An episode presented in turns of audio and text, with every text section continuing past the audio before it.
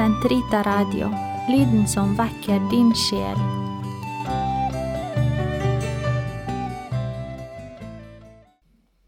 Den katolske kirkes katekisme, uke 13, torsdag, paragraf 1256 til 1261.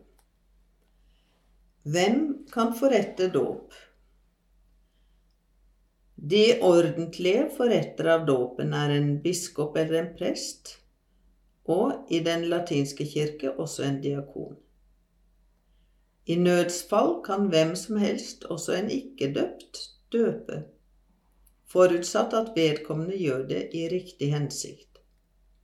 Riktig hensikt betyr å ville gjøre det Kirken gjør når den døper, og å benytte seg av treenighetsformularet ved dåpen.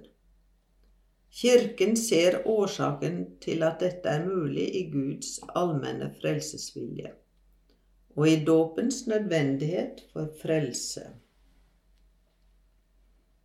Dåpens nødvendighet Herren selv sier at det er nødvendig å bli døpt for å bli frelst.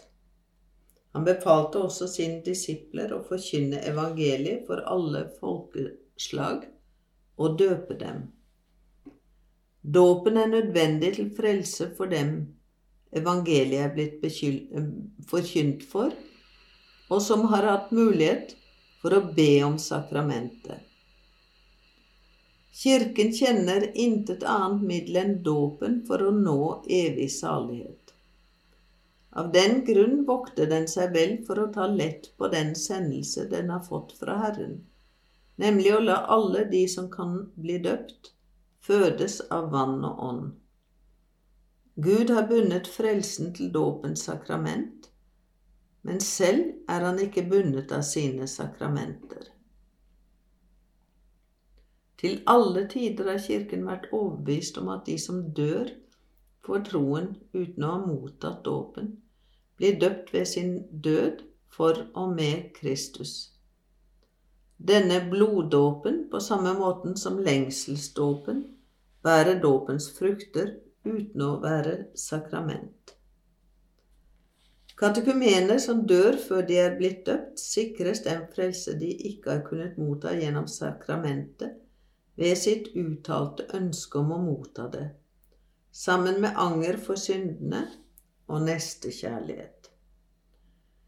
Kristus er død for alle, og til syvende og sist har alle mennesker et felles kall som er guddommelig. Derfor må vi fastholde at Den hellige ånd gir alle mulighet for å ta del i påskens mysterium på en måte som Gud vet om.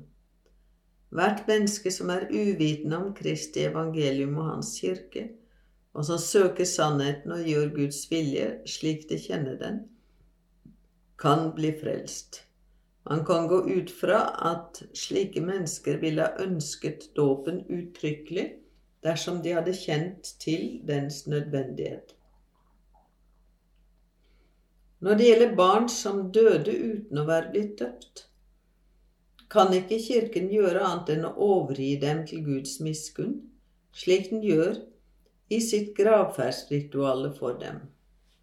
For Guds store miskunn, Han som vil at alle mennesker skal bli frelst, og Jesu mildhet mot barna, som fikk ham til å si:" La barna komme til meg, og vis dem ikke bort, gir oss håp om at det finnes en vei til frelse for barn som er døde uten dåp.